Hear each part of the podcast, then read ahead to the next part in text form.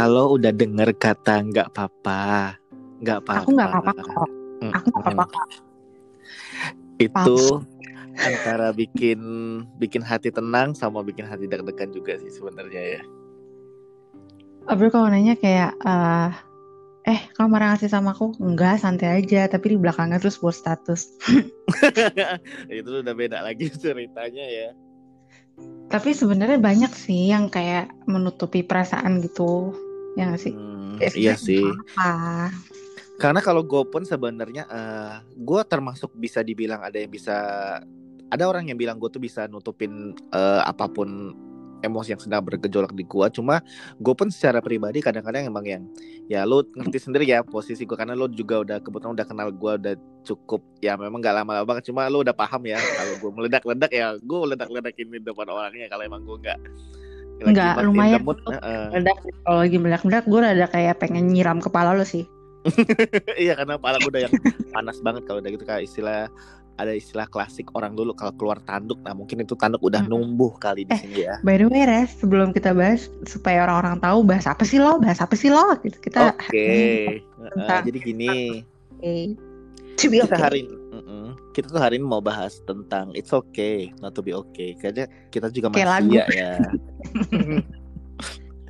Jadi kan karena emang eh, kita tuh nggak selalu eh, nggak selalu harus dalam kondisi prima dalam kondisi yang selalu Oh gue fine fine aja kok. Enggak juga sih. Kalau emang lo lagi kena kayak terpuruk Lagi sedih atau lagi Enggak fine fine aja ya udah Itu tadi nggak apa-apa. It's okay It's okay not to be okay Free day. Nggak apa-apa. Kalian juga bisa kok curhat sama aku sama Reza di DM aja.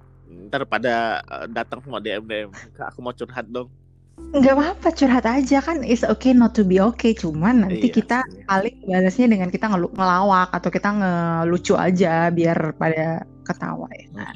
Tanpa dia Lo curhat pun kayak udah ngeri gitu. Hmm? Oke Tanpa lo dia curhat. ngerasain not to be okay selain yang tadi lo ceritain? Gue ngerasa not to be eh, okay It's not to be okay tuh Baru-baru ini sih. Karena kalau dulu-dulu kan masih kayak menyimpan Dan memendam perasaan ya aduh sakit dong hatinya Iya, jadi kan eh karena gue sempat yang beberapa tahun lalu itu kan sempat kagak-agak gue sempat pergi ke salah satu psikolog dan nyaris ke psikiater ya. kan, serius Serius dan ini eh yang tahu sih teman kita si Caca itu ya. Ah, ah, ah. Karena emang waktu itu emang mungkin eh karena jujur eh beberapa orang tuh udah tahu juga sih. Gue tuh mengidap lo PTSD. depres. Gimana? Itu itu sebenarnya kayak gimana sih maksud gue? Kalau gue baca tuh kayak post traumatic perang gitu atau gimana? Coba Iya. deh cerita. Nah, jadi kalau PTSD itu eh, beda. Jadi kan ada beberapa eh, ini sebenarnya bukan penyakit sih, cuma kayak ada kelainan aja dalam diri. Karena eh, semua orang tuh Oh. berpotensi untuk ada kelainan mental, Jiwa. Heeh. mental jiwa. Jadi istilahnya ya kita tuh nggak gila, sebenarnya nggak gila. Cuma emang Mm, mm, mm. namanya manusia, kadang-kadang ya jangankan manusia deh, robot aja kalau ada salah salah program, iya di sistem kan bisa error kan, apalagi manusia Iya, gitu loh. Walaupun kita juga ciptaan dari Allah Subhanahu Wa Taala, cuma Hmm. kan kita dikasih jiwa ya Mm, mm, mm. karena otak dan jiwa tuh sinkron gitu loh. Nah, Mm, mm. jadi ada beberapa tipe yang kayak mental illness gue ceritain waktu itu gue pernah highlight juga sih di Instagram juga. Cuman ini gue kasih tau lagi aja. Yang gue idap itu PTSD, jadi kayak post traumatic eh, stress disorder. Oke. Jadi penyebab eh, latar belakangnya itu adalah kejadian-kejadian di masa lalu yang membuat gue trauma gitulah. Masa lalu pas lo hidup atau masa lalu di bawah alam sadar lo? masa lalu di mas ya pas gue hidup jadi emang mungkin eh gue se- kan sekarang gue eh 29 nih umur nah Iya. sebelum Mhm. sebelum ini tuh kayak selama 29 tahun ini tuh kayak mungkin ya gue bukannya mau ngeluh soal kehidupan enggak sih cuma ini eh, sekedar referensi aja buat teman-teman lain Mhm. juga kan ada beberapa orang tuh yang dianugerahi kenapa gue bilang ini anugerah karena kadang-kadang tuh eh gue pernah dengar dari salah seorang aktif speaker habiskanlah masa-masa sial dan masa-masa musibahmu sekarang ini karena nanti besok-besok ketika kamu udah tua kamu dan nikmatin masa-masa bahagianya doang katanya sih gitu. Nah, Mm. gue selama hidup di 29 tahun ke belakang ini kok gue tuh kadang-kadang ngerasa kayak oh hidup gue ini kadang-kadang ya bukan gue ngerasa nggak adil cuma kayak yang kok terlalu banyak kejadian-kejadian yang harusnya nggak gue alamin di usia sekarang ya gitu loh contoh lah salah satu Mm. eh, waktu gue SD itu ayah angkat gue meninggal di usia gue Hmm. kelas 5 SD ya walaupun kalau kita throwback lagi ya Rasul pun ayahnya meninggal pada saat dia ayah kandung ya malahan ayah kandungnya pun Hmm. meninggal saat dia masih dalam kandungan kan dan ibunya pun Hmm. meninggal ketika dia masih bayi gitu loh nah Mm-mm. cuma kan gue sebagai manusia biasa yang notabene bukan Rasul gitu ya agak kok Ya. agak gimana ya gue bilang itu itu gue SD ditinggal sama ayah angkat terus di usia gue yang udah agak gede gue ditinggal nyokap itu pas udah kuliah Mm-mm.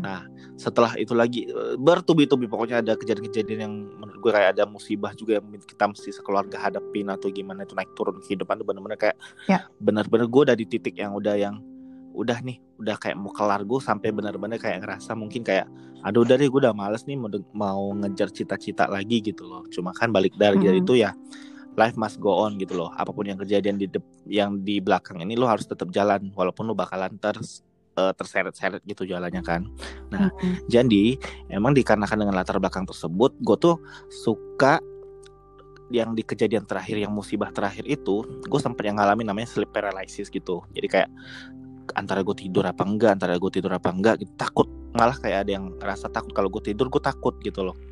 Gak ngerti Mhm. kenapa gitu. Nah, jadi akhirnya eh di tahun 2015 atau 2014 lah, gue tuh sempat eh, ke psikolog. Jadi eh, Hmm. didiagnosa kan emang katanya kayak kamu ada gejala ini deh eh, PTSD. Karena gue takut kan, maksudnya kayak yang orang-orang bilang kalau kalau bipolar tuh ntar kepribadian kayak gini-gini. Enggak, ternyata emang itu kontrol dari lo full semuanya gitu loh. Kalau lo Mm-mm. eh, bisa kendaliin semuanya ya fine fine aja kan. Nah cuma terus dan gue bener-bener yang kita konseling gitu kayak sebulan itu bisa berapa kali konseling waktu itu bener-bener hampir eh, mau direhab kan. Gue sempat yang hilang dari peredaran teman-teman gue Lan full gitu loh. Karena gue bener-bener tarik. Tapi lo pas, sorry Res gue potong. Lo pas di konseling tuh, eh maksudnya lo cuman sebatas cerita, ngeluarin unek-unek lo atau kayak gimana? Karena gue baru pertama sih ngobrol sama orang yang PTSD. Oke, jadi gini, eh, pada saat konseling itu, gua Hmm. emang pertamanya karena kan ya seperti yang gue bilang sebelumnya ya, gue tuh nggak bukan termasuk pribadi yang seterbuka itu sama orang. Lagi ini kan, Hmm. maksudnya Ya. ke psikolog pun kan orang asing Orang ya. Heeh, bukan temen lo, bukan Hmm. saudara juga gitu loh. Nah, Ya. Mungkin saat-saat fase pertama itu adalah fase-fase sulit untuk si psikolog ini eh, analisa gua kan, karena gue pun tertutup gitu loh nggak ada yang kayak dia mau gali informasi dari gue tuh agak sulit gitu loh. Nah ketika yang di pertemuan kedua pertemuan ketiga itu gue udah mulai cerita udah mulai terbuka dan dia ya gue ada trust issue ya sama orang gitu loh pada saat itu gitu. Iya. jadi kayak nih orang bakalan solve problem gue nggak sih? Gue kan takut kayak Mhm. daripada nanti gue cerita cerita juga masalah gue nggak akan kelar juga gitu kan. Mm, mm, jadi gue udah ceritain semuanya oh ya udah dia analisa dari situ. Kamu kayaknya ada gejala gejala ya udah kita terapi. Kalau istilah kasar kayak berobat jalan gitu loh. Mm, mm, dikasih. Dan gue sempat sempat konsumsi obat juga sih dan itu Oh ya? tapi nggak nggak ya dan itu nggak ketergantungan akhirnya kan jadilah pribadi gue yang sekarang yang duar ini gitu loh jadi emang Oh, oke, disarankan oke. dari dia itu kamu harus Lo jadi extrovert gitu. Mm-mm. lo harus jadi ekstro bukan bukan berarti harus buka semua enggak cuma lo harus lebih terbuka sama orang jangan kayak yang ada orang mau Nutup berteman sama sendiri. lo tapi lo kayak yang aduh jangan nutup sendiri don't being a jerk kind of jerk Tapi setelah Lo- introvert. jadi dari yang khawatir mungkin overthinking PTSD terus introvert gue nggak tahu ya kalau misalnya gue salah ngomong mohon dikoreksi ibaratnya lo introvert terus tiba-tiba lo berubah jadi extrovert maksudnya bukan extrovert yang hal negatif maksudnya Ha-ha. lo mencoba untuk meluapkan perasaan lo gitu daripada lo mendem sendiri gitu bukan sih Iya. Nah, ekstrovert yang gue tangkap itu adalah bukan berarti ya itu tadi sih yang lo bilang tadi bukan langsung gue secara eksplisit mengungkapkan Iya. segala sesuatu gue enggak sih cuma gue lebih ekspresif secara eh, respon ke orang-orang tuh lebih ekspresif. Gue kalau emang iya iya. ada yang lucu gue ketawa. Mungkin kalau dulu tuh kalau lucu ya eh, udah gitu aja gitu loh nggak yang sampai yang hahi Mm-mm. hahi banget. Dulu sekarang tuh harus ya udah emang saran dari si dokternya pun kayak ya udah express yourself. Jadi kayak emang ada yang hal-hal lucu. Lu- dia sekarang yang masih sampai sekarang tuh belum bisa gue terapin itu nangis sih. Karena kalau kata dia lo harus ada terapi nangis. Even kayak berapa bulan sekali tuh ada hal-hal sedih ya lo tangisin karena gue nggak bisa nangis jujur gitu loh Hmm. dan ya bukannya kadang kan gue bercandain paralysis gitu sekarang nggak? Sekarang sih udah enggak sih karena eh, secara apa gue udah ngatur ulang hidup gue kan pola hidup. Kayak emang kata dibilang banyakin kegiatan banyakin kerjaan ya alhamdulillah ya. Kayak ya semesta mendukung gitu loh dan Allah juga mengabulkan semua doa doa jadi kayak kegiatan alhamdulillah banyak punya teman juga alhamdulillah positif positif semua. Maksudnya kayak Hmm. ya kita di sekitar kita nih harus positif vibe semua gitu loh walaupun kita Iya betul. nggak nggak mesti yang kayak eh, head on head on ke mana tuh nggak yang penting udah Ketawa HI aja udah cukup ya. ya udah ketawa aja udah senang jadi kan udah positif vibe nggak lo nggak kepikiran Mm-mm. ya beban hidup itu pasti ada cuma kayak yang udahlah nggak usah dipikirin berlarut-larut gitu Hmm. lo ada seseorang yang bisa lo share ada teman-teman lo yang bisa buat lo ketawa bareng bahkan kayak nyeritain sekedar unek-unek kerjaan atau gimana nah gue belajar dari situ dan ada kegiatan-kegiatan lain jadi gue sehingga eh, membuat gue sendiri itu nggak sempet untuk mikir-mikirin hal-hal yang sebenarnya nggak akan kejadian gitu loh Ah oke oke. Tapi eh, oke. Gue lo apa ya gue pengen sedikit share juga nih res. Gue nggak tahu Oke. sih karena gue emang belum pernah apa namanya berhadapan sama orang yang PTSD gitu ya. Mm-mm. kan lo udah kenal nih sama gue. Nah waktu itu pernah di teman kerja gue juga eh, statusnya lebih atas sih daripada eh, rekan kerja tapi atasan lah cowok. oh Nah gue tahu eh, nih orang kayaknya iya Mm-mm. maksud gue gue nggak tahu ya tapi dia memang eh, endingnya dia bilang dia PTSD oke tapi kan gue gue bukan tipe orang yang langsung percaya dia PTSD atau apa gitu kan Iya, benar. melihat dari perilakunya gitu Mm-mm. terus awalnya kan dia kayak nggak mau kebuka sama semua orang kan maksudnya dia sebagai karyawan baru eh, apa namanya eh, posisinya lebih di atas kan harusnya dia ngen- mengenal anak buahnya yang lebih lama daripada dia gitu kan Mm. awalnya tuh dia kayak eh eager dan apa eh tipe yang siap salah siap salah ya siap gitu gitu lah Oh yang nerima gitu ya. Ah, bu ya nerima dan kayak eh, apa sih mau eh udah sini aku bantuin baik sih sebenarnya gitu kan Nah, tiba-tiba ada satu yang kok dia orangnya cuman mau deket sama satu orang. Oke. yang lainnya biasa aja gitu yang mau deketin yang lain tapi kayak takut atau gimana. Nah akhirnya eh, bos besar yang paling tinggi pergi kan? Bukan pergi sih ibaratnya kayak dia nggak di situ lagi lah dipegangnya sama si cowok ini. Hmm. akhirnya tim maksudnya eh, gue dan tiga orang teman gue dipanggil nih sama dia sama si cowok ini terus eh, apa namanya tiba-tiba tuh si cowok ini kayak ngomong lah kenapa sih kalian sama aku kok kayaknya tertutup gitu kan Heeh. sebenarnya sih kita nggak tertutup cuman nggak enak gini loh res kalau misalnya lo mau deketin orang kan pasti lo keluar dari ruangan lo dan ngobrol di cubicle kita kan Iya. at least get to know each other aja gitu maksudnya lo cowok lo gue cewek kan pasti kadang-kadang mau kenalan juga agak apaan sih lo gitu kan Mhm. cuman ya itu kan lo harus sama orang kantor lo harus kayak gitu gitu. Apalagi lo atasan gitu. Beda kalau misalnya bawahan. Itu kan ya be- ya kit bawahannya dong yang harus deketin atasan atau gimana Iya, gitu kan. benar. terus ya udah ngomong. Kita gua sama teman-teman gue tuh kayak udah kesel gitu kan. Kenapa sih lo aja mau keluar aja nggak nggak mau gitu. Akhirnya gue buka buka suara gue ngomong. Hmm. Lo tuh kenapa sih sama kita maksudnya intinya gue ngomong kenapa sih sama kita sama teman gue satu lagi juga ngomongnya agak kenceng lah intinya sama dia Ah. gitu. Agak agak kenceng gue nggak bisa ceritain karena itu privacy. Hmm. terus besoknya pokoknya abis itu dia kayak stres kayak cuman bengong ngelamun gitu-gitu kan. Terus gue tanya makan siang nggak? Makan siang bareng yuk atau mau dibeliin apa? gitu kan. Gue menawarkan sifat maksudnya kayak yaudah yuk baik ya udah yuk gitu. Kita melupain hal kemarin kalau lo udah udah bisa cerna apa yang gue dan teman-teman gue apa masukan ke masukin ke lu ya udah gitu kan. Ya tiba-tiba ternyata besoknya dia kabur. Maksudnya bukan kabur ya tapi kayak dia resign gitu intinya dengan meninggalkan segudang pekerjaan gitu. Kok? Dan dia bilang kalau dia PTSD gitu. Hah? aneh sih. iya dia iya dia bilang PTSD makanya tuh gue kayak agak hah? Lu PTSD terus Google kan. PTSD tuh buat perang. Ini anak-anak yang belum tahu ya. Maksudnya bener-bener gue sama teman-teman gue kayak apaan sih? gitu Uh-uh. kan. Terus ah kenapa? gitu. Harusnya tapi maksudnya gini kalau emang emang lo PTSD lo bisa ngomong bisa ngomong kayak gue orangnya gini gini gini. Apa sih? Gue ada tembok. Ya udah ini menurut kita kan dia ngomong tuh menurut dia kan perasaan. Ya berarti kita juga boleh dong ngomong tentang perasaan kita ya Iya. sih? Gue nggak tahu ya kalau sebagai lo orang PTSD lo kalau digituin gimana Nah, kalau gue karena gue emang udah karena itu itu tadi gue bilang itu bukan satu penyakit, bukan satu kelainan yang harus lo banggain dan mesti lo announce ke orang sih enggak. Karena as long as lo masih bisa bertingkah normal di society, gue sih nggak pernah ada masalah. Bahkan kayak jangan kan lu ya, mungkin lo bu- kayak baru kaget, oh Hmm. ternyata gue gini.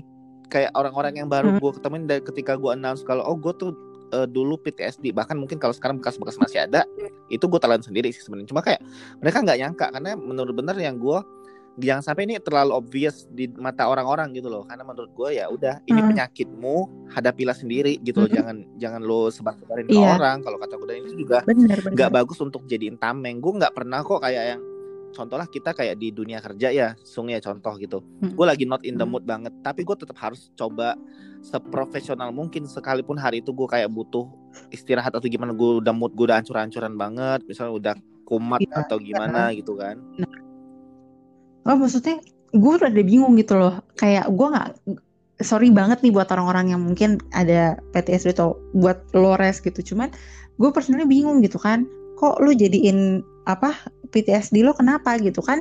Dia ngomong sama kita semua kalau lo tuh kenapa sih nge- apa kayak ada tembok sama gue ada sama gue tuh kenapa? Kan dia nanya.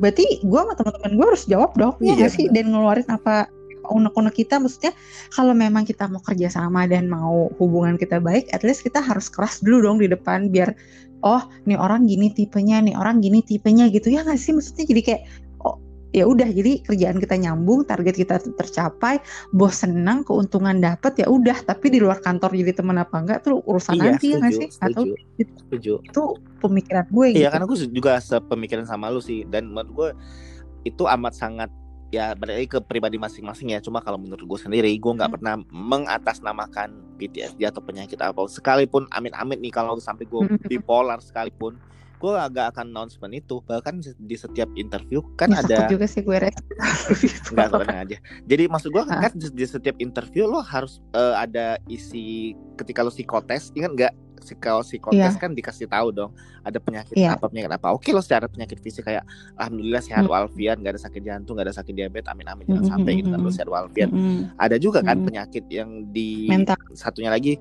apakah ada penyakit mental apa karena sekarang gue di perusahaan kantor terakhir ini jujur gue ada pertanyaan itu ketika di gue Hmm. mau isi form itu kan dan itu gue isi Mm-mm. Gue isi Mm-mm. dan ketika ada kita one on one session gue diajak ngobrol sama si Mm-mm. eh, orang yang ngerjain si psikotesnya nih si pihak ketiganya ini kan. Ya bisa dikatakan dia juga punya background psikolog mungkin kan.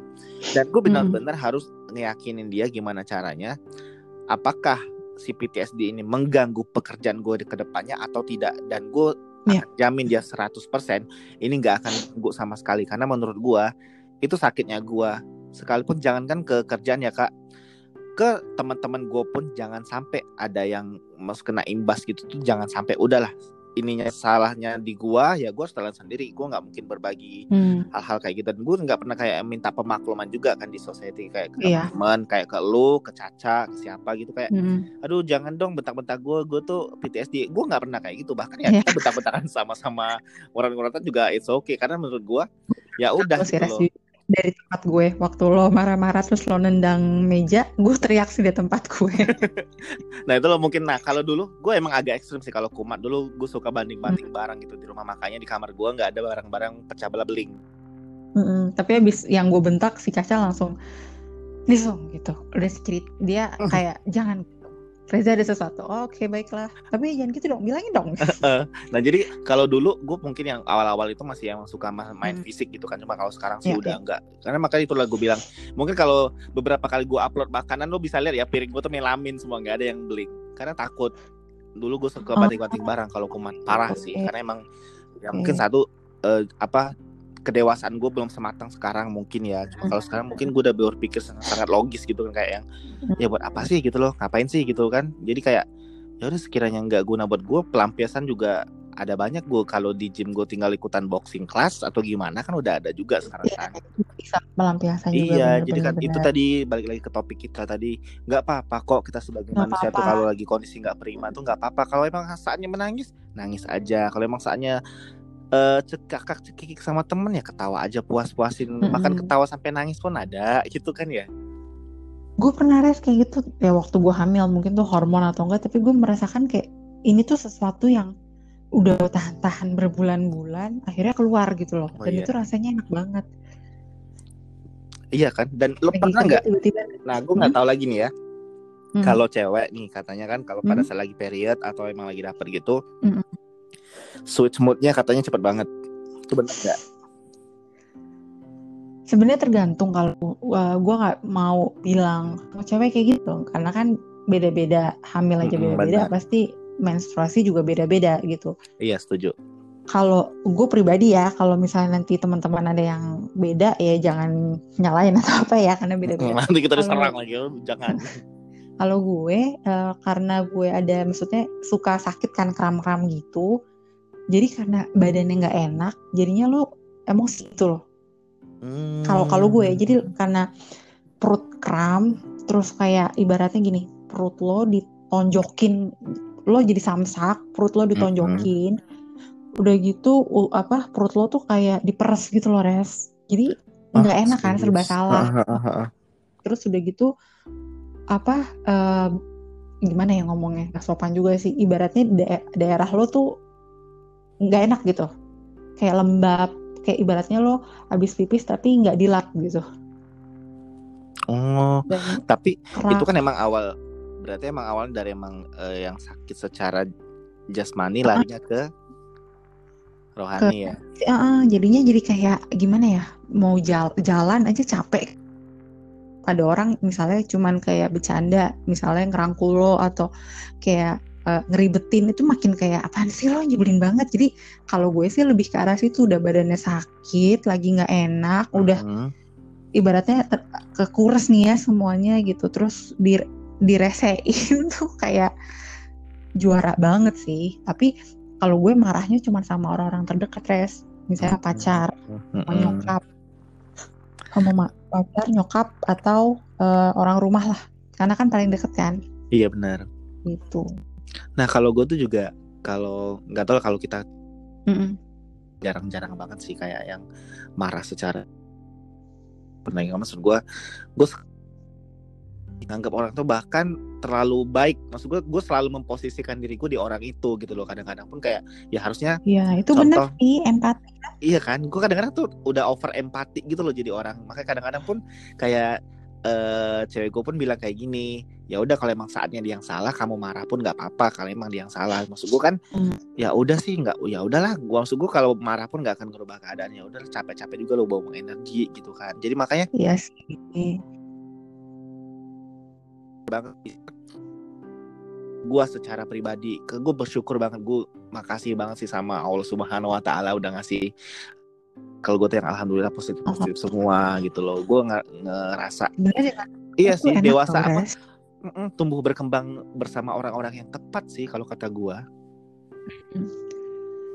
Iya jadi karena bener sih. Tapi mm, yang bisa hilang.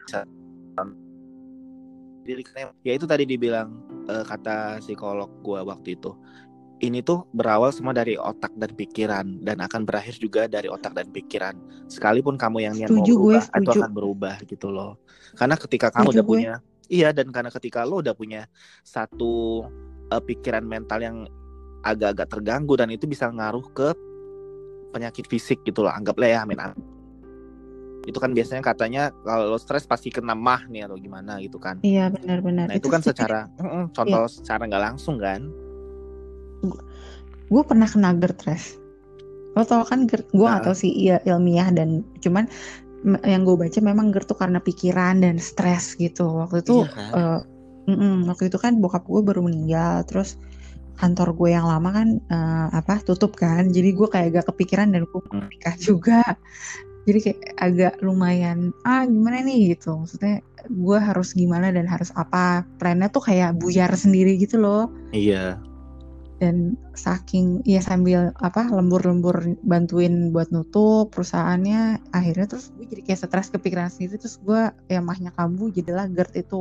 Itu tuh kayak seseknya parah banget res. Gue mikir kayak aduh ya udah deh ya udah deh gue lewat nih gue lewat gitu. Heeh. seseknya tuh sesek yang nggak bisa napas yang ya parah banget kayak kayak ketindihan gitu gak sih? Enggak res enggak beda. Seseknya tuh benar sesek bukan sesek ketindihan sesek sesek kayak orang mau lewat gitu loh. Nggak serem ya? Ag- iya makanya terus gue bilang gue sampai manggil nyokap gue tuh udah nggak bisa kayak udah begitu bener Uh-uh. gue sampai akhirnya terus ke rumah sakit ya udah pas sampai anehnya pas sampai rumah sakit tenang gue. Ya. Biasa kan gitu kan kalau emang udah pas masuk rumah sakit tiba-tiba hilang aja tuh. Iya sama Udah, kayak istilah pas- kalau kita lagi mules pas udah duduk di kloset atau hilang aja mulesnya. Iya tiba-tiba ya terus ya udah ya ini kamu GERD nih gitu. Hmm. Obatnya cuma satu. Positive thinking. Ya dikasih Iya. obat dikasih obat minum juga. Cuman dokternya bilang udah kamu gak usah stres segala macem ya. Terus pantang-pantang beberapa makanan lah gitu. Mm. Iya kadang-kadang kita emang enteng yang ngomong ini positive thinking, positive vibes, enteng banget. Dan. Cuma kan pada saat penerapan itu susah dan gue pun ngerasa di diri sendiri gue nggak mau. Ya bukan berarti kita harus udah dari kitanya sendiri sih kita harus udah yang mental blocking untuk hal-hal yang negatif tuh nggak usah dipikirin karena selalu ada di dunia ini tuh hal yang negatif pasti ada pikirin da- dalam otak sih. kita tuh dipikirin secara berlanjut-lanjut tuh nggak usah udah pikirin kita senang-senang aja. Makanya kayak orang kalau ngeliat kita hai hai hi IG story itu tuh asli kita nggak pernah fake fake ya ketawa ketawa gitu. Dari momennya kadang-kadang pun gue Iya. ketawa diri sendiri. Gitu-gitu gak sih? Benar kadang tuh ya maksudnya ya kadang gue pernah sih beberapa waktu lalu gitu gue pernah dalam kondisi yang not okay. Dan gue meluapkan itu di status sosial media gue waktu itu di Facebook which is yang menurut gue tuh gue sekarang lihat gue hapus sih akhirnya karena gue ngerasa wah immature banget gue gitu. Cuman di saat itu gue butuh pelampiasan yang gue cerita ke mana. Gue ngerasa udah deh gue harus udah deh gue cerita aja deh gitu. Gue nggak tahu kenapa gue nggak kuat gitu di saat itu tuh gue nggak kuat dan gue harus ya lo udah temenan sama gue di Facebook belum sih? Enggak, gue udah nggak main lagi Facebook. Iya sampai waktu itu tuh gue oke lo kenapa sih? Lo kenapa sih? Gitu. Sampai gue kabur dari rumah. Caca tahu tuh. Sampai gue kabur dari rumah karena gue kayak pusing banget sampai ya pokoknya berapa kali deh gue marah-marah hebat banget sampai sampai rame lebay sampai akhirnya di titik sekarang tuh gue ngerasa udah deh gue menenangkan diri gue dengan sholawat dengan sholat dan dengan gue nonton yang ya buat gue lucu-lucu gitu. Dan gue inget udahlah gue harus positive thinking dan gue harus berusaha untuk gue susah ya untuk ikhlas. Maksudnya kayak kan kita harus ikhlas harus ikhlas gitu. Ah, cuman susah. belajar banget ya res. Maksudnya kayak ya mencoba untuk ikhlas tuh susah banget. Jadi gue apa namanya eh, untuk bisa tenang tuh gue nggak mengeluh. Gue mencoba untuk dari waktu psbb ini ya sampai sekarang gue mencoba untuk nggak ngeluh. Nah dari gue nggak ngeluh gue jadi kayak agak lebih legowo gitu loh res. Iya sih, kayak karena misalnya ada lebih ini nggak sesuatu sih kayak yang ngerasa lapang gue dada gitu nggak sih? Iya tapi bukan ma- belum masuk kategori ikhlas Mm. karena menurut gue ikhlas tuh susah Iya. banget untuk jadi orang gue lagi belajar untuk ke situ tapi gue nggak mau munafik juga kayak oh, gue belajar ikhlas Hmm. gitu susah banget tapi gue apa baby step aja gue coba untuk oke deh gue belum bisa ikhlas eh maksudnya gue belum sampai kategori ikhlas tapi gue coba untuk gue nggak mau ngeluh-ngeluh Hmm. gitu misalnya gue dapat misalnya gue mau beli apa tapi gue dapat barangnya jelek oh ya udah mungkin rezeki gue dapat barang yang jelek Iya, ngerasa kan? Jadi kayak sekarang tuh perubahan tuh, gue ya gue di diri sendiri aja kadang-kadang kan gue setiap sebelum tidur tuh biasa kayak eh, ngerefleksiin diri sendiri ya. Ini kebiasaan gue setiap sebelum tidur Iya. biasanya nih. Heeh. Eh, overthinking ujung-ujungnya udah tidur sendiri kan. Gue tuh kadang eh, mikirin sendiri, iya eh gue tuh dulu kayak gini ya ternyata gini-gini. Hari ini gue bikin salah sama siapa ya? Hari- Bikin orang kesel sih? Introspeksi. Membuat gue sekarang menjadi pribadi yang lebih eh, it works gitu loh. Gue sekarang menjadi pribadi yang lebih lapang dada keadaan. Jadi setiap Mm. ada kesulitan apa pun gue cuma bisa jawab ya udah jalanin aja gitu loh. Mm, mm, mm. gue juga gitu. Jadi eh, pasti iya ada pasti jalan ada sih. jalan sekalipun. Eh, ini serius ya jadi kayak bener-bener yang kita mungkin memikirkan sesuatu tuh yang belum kejadian itu gue sering banget sih dulu overthinking. lah. Ini tuh belum tentu kayak gitu. Maksud jalannya harusnya dari A ke B lo udah mikirin sampai Z gitu loh. Padahal belum tentu sesulit itu juga ketika nanti pada eksekusinya oh ternyata semudah itu Iya. dimudahkan jalannya gitu kan. Nah terlepas dari semua itu juga kadang-kadang pun kita ketika lagi ada masalah kan untuk sulit untuk eh, share cerita ke orang ya. Itu sih yang kayak eh, menyebabkan kita beberapa kali bikin status di sosial media aku iya lebih Iya. Jadi kan eh, kalau nulis tuh kayak berasa apa emosinya nyampe ke layar handphone ya. iya res kadang-kadang tuh gimana ya tapi gue berusaha kadang-kadang kalau lo perhatiin Instagram gue ya gue suka buat lagi kadang-kadang Tuh tau hilang. Gue pas mau tap balik eh, status aja mana ya gue. Iya Kadang-kadang kan- soalnya pengen apa ya kayak buat eh tapi kayaknya ini nggak bagus berarti gue hapus aja gitu Karena kan udah kayak udah beberapa menit setelah posting udah lega udah hapus aja langsung. iya kayak Nah, apa ya saat-saat- tapi tuh apa ya kayak gitu loh Tapi enggak juga sih.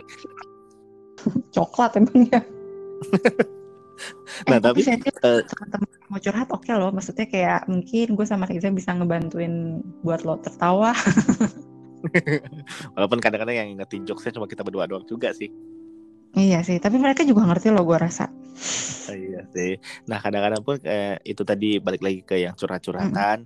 Itu gue juga menerapkan itu ke teman-teman dekat gitu kan. Maksud gue, gue Mm. sekarang mencoba untuk ya nggak semua orang dianggap teman tuh enggak. Maksud gue cuma once orang itu udah deket sama lo, gue mencoba untuk Oke lo bisa percaya sama gue gitu loh kalau ada masalah apa apa tuh cerita aja apa walaupun gue sebenarnya pun gue nggak bisa bantu setidaknya sedikit saya jadi kuping lo lega gitu loh kadang kan kadang-kadang gue secara pribadi ya gue nggak butuh solusi dari teman gue gue nggak butuh dari orang-orang terdekat gue nggak perlu cuma setelah gue cerita dan mereka dengar setelah Plong itu mereka kan? respon udah plong gitu aja gue iya karena kadang solusinya datang dari lo sendiri bukan dari mereka itu kan hanya untuk ya udah share aja cerita gue lagi ada masalah nih gini, gini. nah temen lo emang notabene oke lah temen lo dengerin gini ah jangan pasti gitu lo lega gitu loh kan Mm-mm. nggak butuh Cuman solusi yang gimana lo- gimana banget temen lo diem aja tuh udah kayak seneng gitu. Karena kadang kalau misalnya kita cerita terus ada dibales dengan hal-hal lain tuh kayak aduh please gue cuma pengen gue cerita aja lo dengerin aja gue nggak butuh saran lo gitu. Kadang-kadang cuma pengen gitu sih. Ya sebenarnya kalau mereka ngasih saran atau ngasih solusi sih bagus Jadi ya diterima. alhamdulillah ya. Kalau sarannya bagus sih alhamdulillah. Tapi sarannya begitu bijak-bijak kalau kasih saran. Bingung gue kadang-kadang tuh kan eh, ada yang temen tuh nggak bisa ngasih saran ada tipe-tipe yang kayak denger aduh gue bingung nih ngasih res. Nah, gue sih gue tipe yang gue tipe yang kayak gitu sih res. Kalau gue yang ngedengerin gue takut sih. salah. Iya benar. Ya gue juga gak dengerin tapi gue takut kayak ngasih saran gitu gue cuman kayak kalau misalnya gue bisa kasih saran gue kasih saran. Kalau misalnya gue gue soalnya gue nggak mau sotoy sotoy gitu kan. Nah kalau gue tuh biasa tergantung sama percakapan yang dia ceritain. Kalau dia bilang udah gue tuh kudu di mana ya? Gue tuh kudu gimana ya? Gue tuh harus gimana ya? Nah itu baru gue kayak mikir dulu nih gue aduh gue otak gue juga udah panas gitu kan. Ya gue nggak tahu gimana. Gue bilang udah ujung-ujungnya ketawa-ketawa aja udah hilang sendiri. Besok-besok ingat lagi sih masalahnya. Iya sih. Ya tapi kadang-kadang ya hmm, kayak misalnya nih hari ini nggak oke misalnya kayak aduh gue sebel banget sih cerita gitu kan tapi tiba-tiba kayak sejam kemudian gue happy Iya, nah itu kan kata orang tuh switch mode itu kan. Nah sebenarnya kayak yang apa? Dibilang, itu kayak tipe orang yang gampang gonta-ganti mood gak sih kalau kayak gitu dikategorikannya nah itu kan Pasti makanya mau. gue bilang secara umum kan orang bilang kalau kayak gitu kan kayak eh, bipolar disorder. Cuma kan nggak juga sih. Gue aja, yang, ya iya gue aja yang PTSD tahu sih gue juga yang PTSD gue bisa kendalin kok masuk kayak ya switch mood itu semua orang ngalamin switch mood loh lo pagi-pagi contoh lo pagi-pagi datang ke kantor udah semangat atau datang-datang bos lo ngamuk-ngamuk ya itu kan lo ikutan lo ikut-ikutan Mm-mm. contoh Tapi itu aja udah bikin switch mode ceritanya Iya sih. Tapi Les kayak misalnya gini. hmm, waktu gue dulu di pas kuliah gue sempet kan laptop gue hilang. Mm-mm.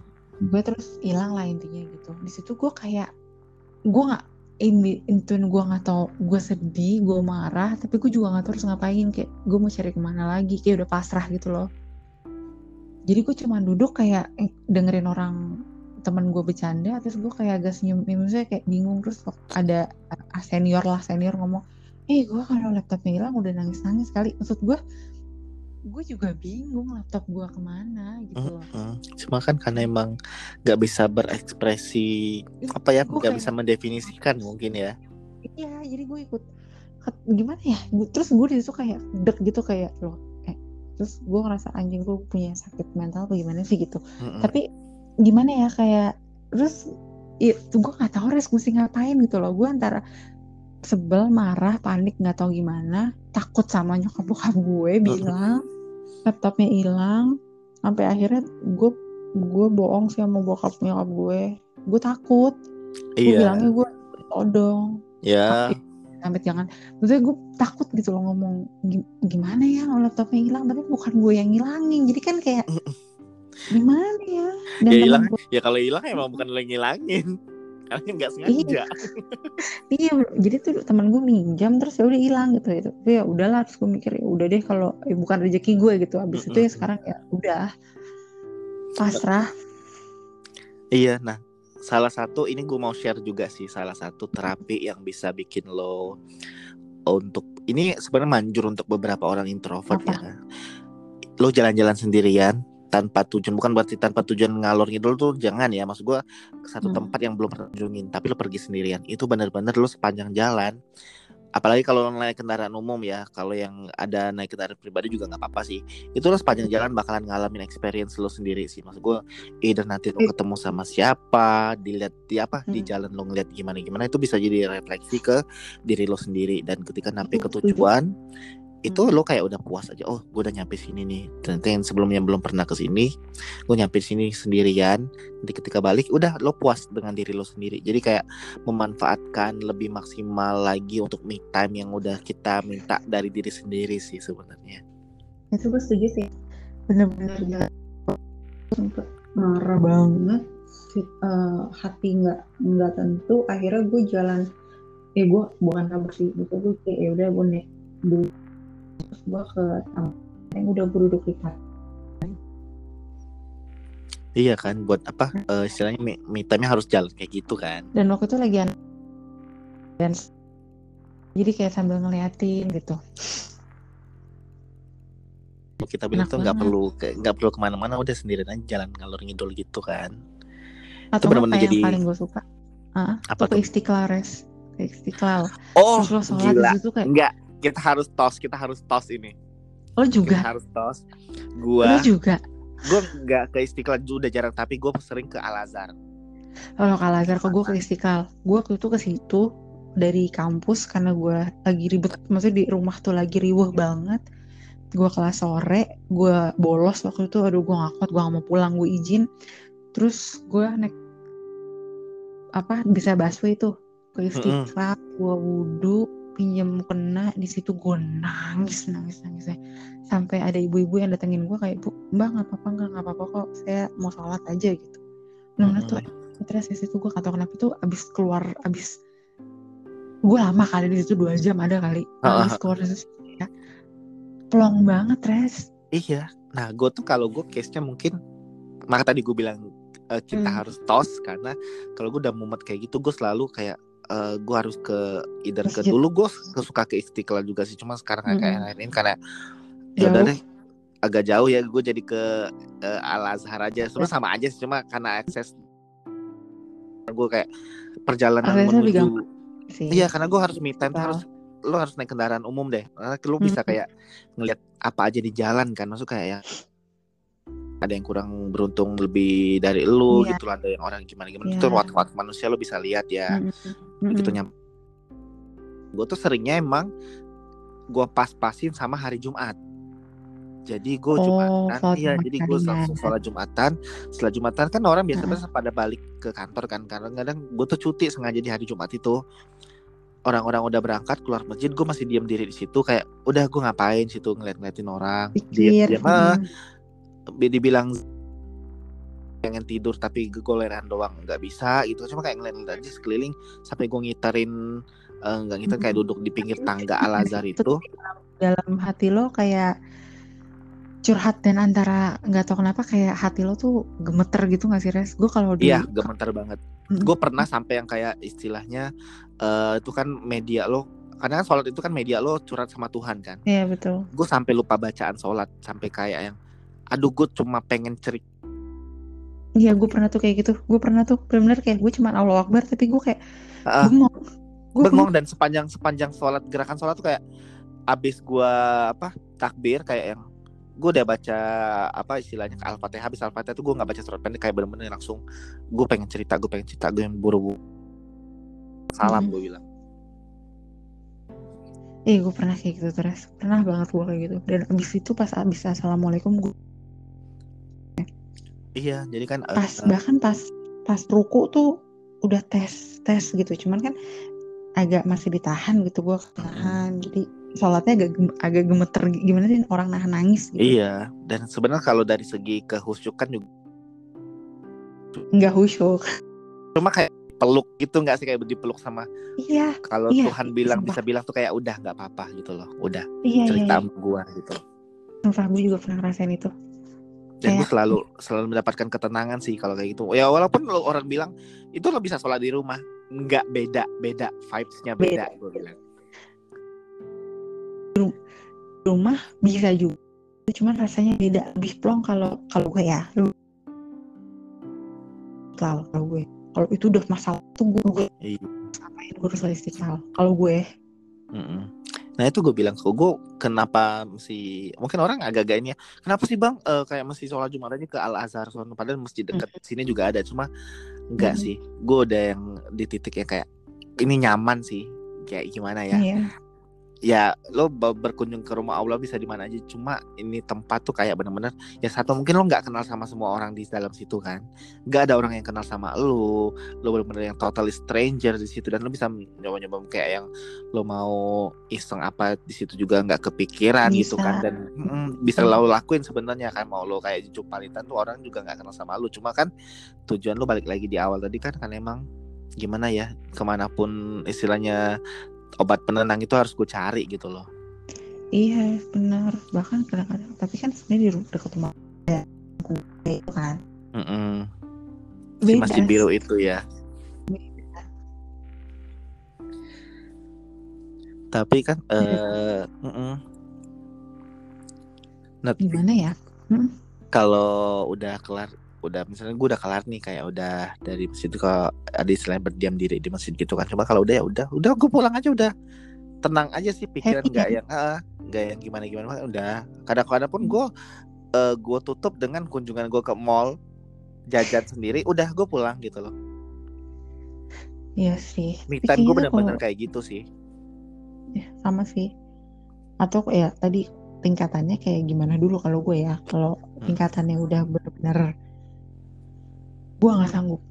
Gue istiqlal. kalau misalnya gue masih kayak bisa sholat di rumah oke. Kalau misalnya gue udah coba jalan keluar sebentar misalnya kayak ke taman menteng atau ke mana Ah, masih nggak bisa baru gue ke istiqlal.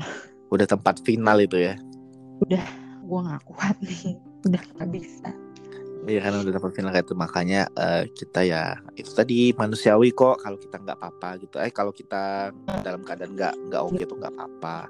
Jangan selalu menuntut Heeh, jangan selalu menuntut eh, kondisi akan selalu menyenangkan karena kan ya kita kan dinamika ya namanya hidup itu kan ada naik ada turunnya. Cuma kan balik lagi ke si pelakunya sendiri si manusianya ini si individunya sendiri. Iya. Kalau emang kita Nyikapinya baik-baik semua heeh.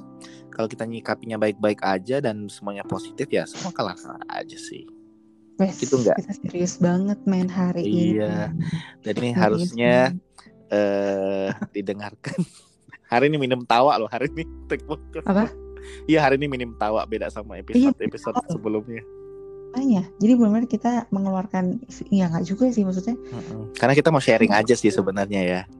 di perasaan teman-teman yang pasti lo ya apalagi dalam situasi kayak gini lo pasti banyak yang nggak oke gitu. Mm-mm. Kadang-kadang kayak ngerasa aduh sedih sendiri gitu loh. Ya nggak apa kalau emang sedih sedih nangis nangisin aja.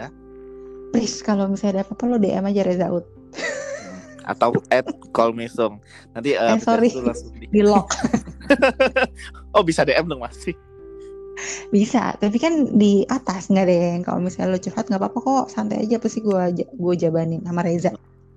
Nanti langsung di apa diladenin sama Mimin. Walaupun kita nggak punya. Nggak punya WhatsApp